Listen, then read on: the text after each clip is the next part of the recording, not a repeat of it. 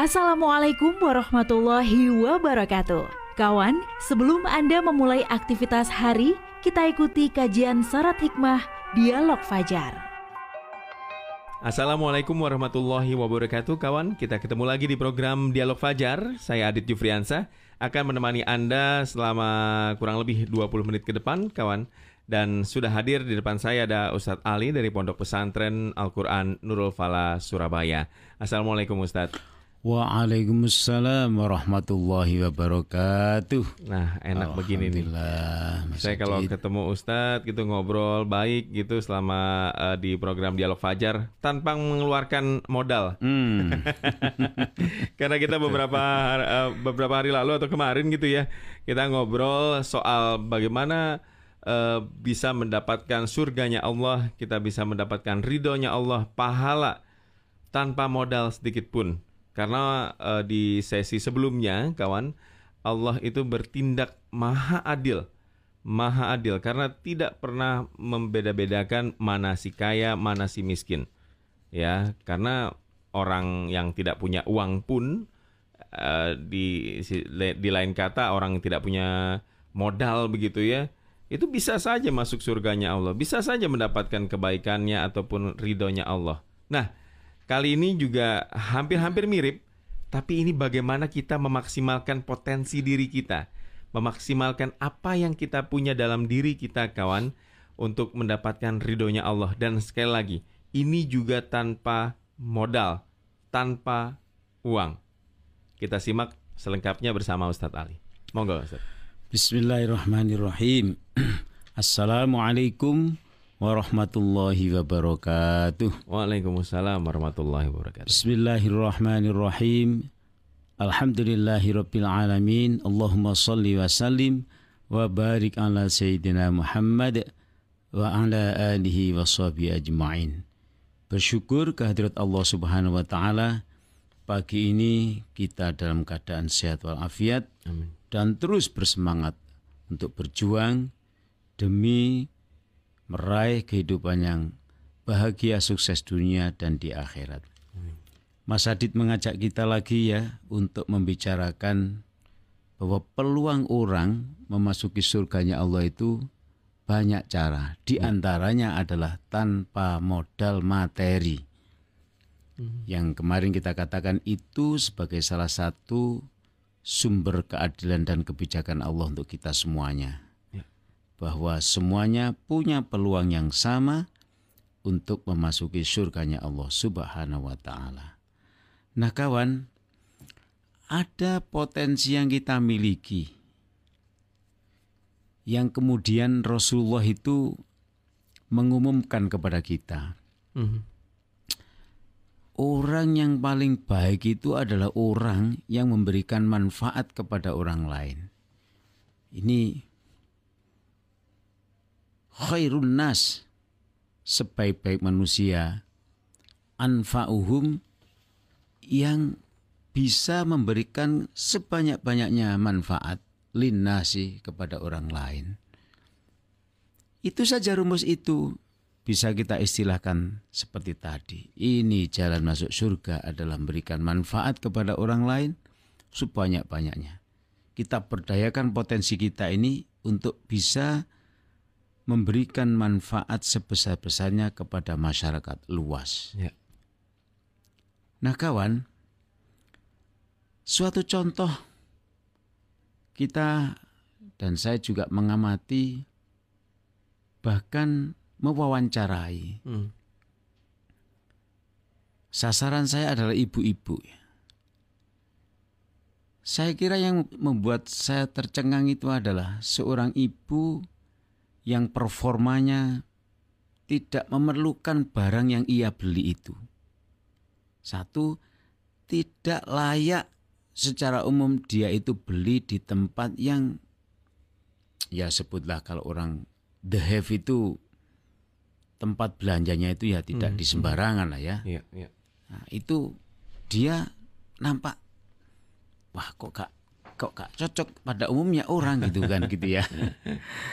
Akhirnya tak sabarlah kita wawancarai.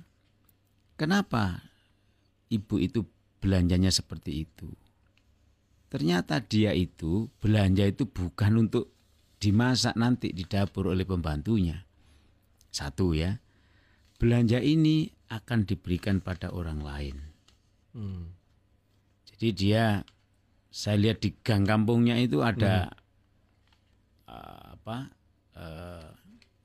Ada tempat ya, yang hmm. di situ setiap orang itu bisa membawa kresek tas kresek itu, ya. dicantolkan di gerbang pintu masuk di perumahannya itu lalu di, di situ ditulis gratis begitu. Oh. Saya berhenti di situ. Oh. Apa ini isinya? Ternyata adalah macam-macam kebutuhan dapur untuk ibu-ibu yang membutuhkan di situ. Dan orang perumahan di situ nggak ada yang ngambil. Dia malah yang meletakkan barang itu. Hmm. Itu satu ya. Ya, saya senang melihat ya Allah, cik cerdasnya orang-orang ini gitu ya, ibu-ibu itu. um, beliau tidak masak sudah ada pembantu di rumah tidak uh, tidak apa tidak belanja juga sudah ada pembantu. Uh, uh, Nah, belanja itu apa yang saya bilang aneh tadi. Dia belanja itu ternyata tidak berdasar kebutuhan yang ia ia butuh apa butuh apa tidak. Tapi dia tadi belanja untuk orang lain yang ditaruh di, di gerbang hmm. perumahan itu untuk silakan yang mau ambil. Jadi ramai begitu ibu-ibu kalau pagi. Bukan belanja cuma ngambil itu. Lalu yang kedua, ternyata orang ini belanja ke seseorang yang yang tadi maaf maaf tidak biasanya orang deh belanja di hmm, situ itu. Hmm. Ternyata dia itu ingin menolong si penjual itu agar dagangannya laris. Hmm. Jadi kalau belanjanya itu sekali lagi yang dibeli itu bukan kebutuhan dia, jadi yang dibeli itu adalah ya. agar dia bisa membuat senang orang yang dibelanja itu. Akhirnya dia mencari penjual yang tidak laku, yang rasanya secara akal sulit untuk dibeli orang, dan lain-lain dan lain-lain. Itulah yang dia pilih. Sehingga pertanyaan saya mudah, apakah ibu memang memerlukan apa yang ibu beli ini? Dia jelas mengatakan tidak, Pak saya tidak memerlukan barang yang saya beli ini. Lalu untuk apa ibu beli ini? Yeah. Nah arahnya ternyata saya ingin menyenangkan si penjual ini yang saya lihat sejak tadi tidak ada yang menghampirinya. Ya, tiba-tiba ternyata ibu-ibu yang lain keluar dari rumahnya. Kemudian ada orang membawa dagangan keliling di kampung itu. Di stop begitu saja. Tuh, saya sampai tidak bisa menyebut Mas Adit nama yang dibeli itu.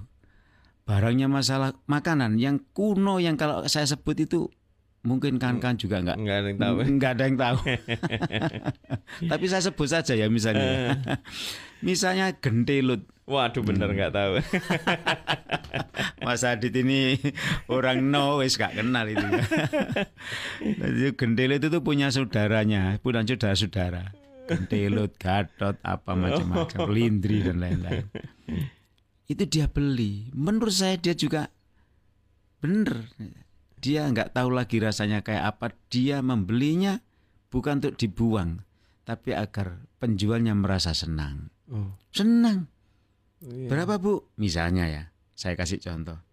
Oh ini ini ini ini 4.500 bu, kata penjualnya. Dikasihlah uang 10.000. Masih pagi dari mana uang kembali?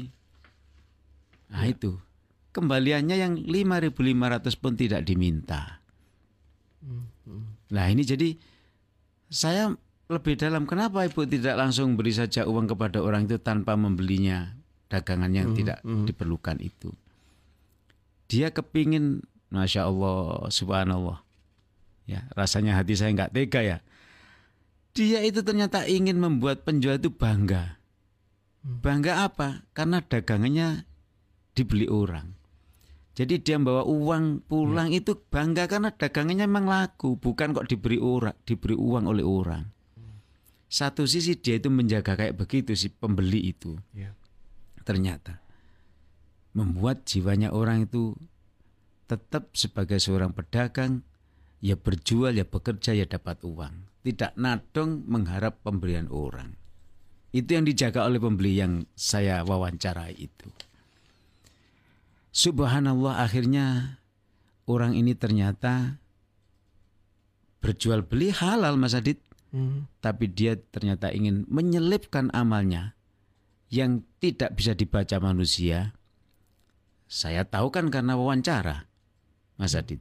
Iya. Ya, kalau melihat saja mungkin tidak cukup. Ternyata amal dia itu dia selipkan di dalam transaksi belanja, yaitu menolong orang dengan cara begitu dan sampai uang kembaliannya yang 50% itu tidak diminta. Nah, ini yang unik lagi, dia ternyata dia pakai besar itu ya relatif ya. Hmm. Di misalnya uangnya 100 ribu begitu. Kan yang jualan dagangan saya aja dikalkulasi nggak sampai 100 ribu. Gampangannya begitu. Sedangkan dia beliannya berapa ribu kok uangnya 100. Ternyata sudah diberikan begitu saja uang kembalinya diambil aja bu. Ya nggak apa-apa. Dia nggak enak. Jangan bu. Lebih baik ibu bawa 100 ribu besok belanja sini lagi. Loh kurang. Ketika seseorang berbuat baik kepada orang lain orang lain itu juga ingin berbuat baik. Masya Allah.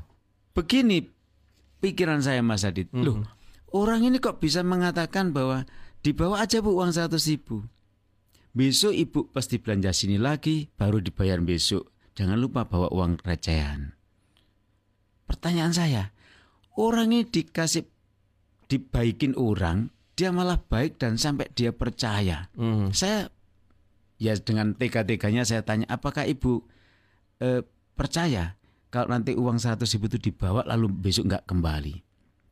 Subhanallah. Jawabannya itu bikin kita tercengang.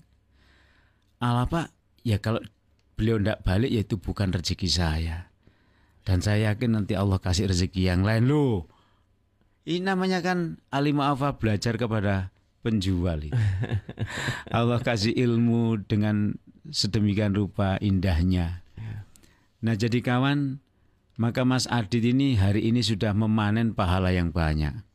Kawan-kawan di studio ya memanen pahala yang banyak. Karena pagi-pagi biasanya kan, oh di sini macet, wah gitu kan. Di sana ada kecelakaan, hati-hati. Iya. Itu dalam hadis Nabi, barang siapa yang memberikan informasi kebaikan, maka dia dapat pahala seperti pelakunya.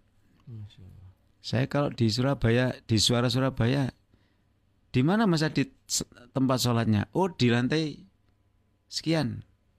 Mas Adit cuma bilang begitu saja, itu dapat pahala sholat hmm. saya itu.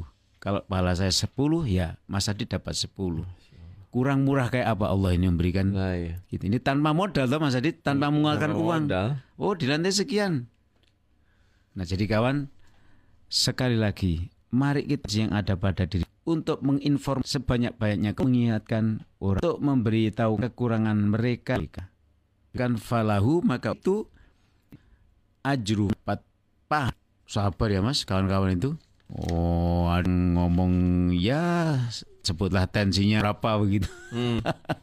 kan juga mendinginkan suasana begitu ya saya lihat itu. Nah itu kan sama dengan mengajak orang berbuat baik. Nah kawan semoga kita ini sadar ya, ya. bahwa kembali peluang menjadi kekasihnya Allah di akhirat nanti ya itu tinggi sama antara the have dan tidak the have asalkan kita mau melakukan dengan karya ucapan, dengan karya contoh perbuatan yang baik, mm-hmm. itu kita juga dapat pahala yang sama. Semoga dialog fajar pagi ini dapat mengubah tata cara berpikir kita menjadi orang yang lebih produktif, ya. menebar manfaat kebaikan kepada masyarakat luas sehingga kita juga menjadi bagian dari kebaikan itu. Amin ya rabbal alamin. Ya luar biasa sekali pagi hari ini. Jadi mulailah uh, ketika anda keluar rumah atau baru saja turun dari mobil, mulailah berbuat baik pada orang sekitar anda. Hmm. Karena dengan berbuat uh, berbuat baik seperti itu, yakinlah kalau perbuatan baik anda ini nanti akan menular, akan menular, akan menular, pastinya dengan perbuatan baik pula. Ya, semoga kita selalu dalam lindungan Allah Subhanahu wa taala. Amin ya rabbal alamin. Saya akhiri program Dialog Fajar pagi hari ini. Terima kasih selamat pagi. Wassalamualaikum warahmatullahi wabarakatuh. Waalaikumsalam warahmatullahi wabarakatuh. Program Dialog Fajar yang baru Anda simak kerjasama Suara Surabaya dan Pesantren Al-Quran Nurul Falah Surabaya, lembaga dakwah yang amanah, profesional, dan berbasis Al-Quran Pesantren Nurul Falah mencetak guru-guru Al-Quran dengan metode tilawati dan tafidz Al-Quran. Informasi dan pemberian donasi hubungi 031 828 1278 atau nurulfalah.org. Wassalamualaikum warahmatullahi wabarakatuh.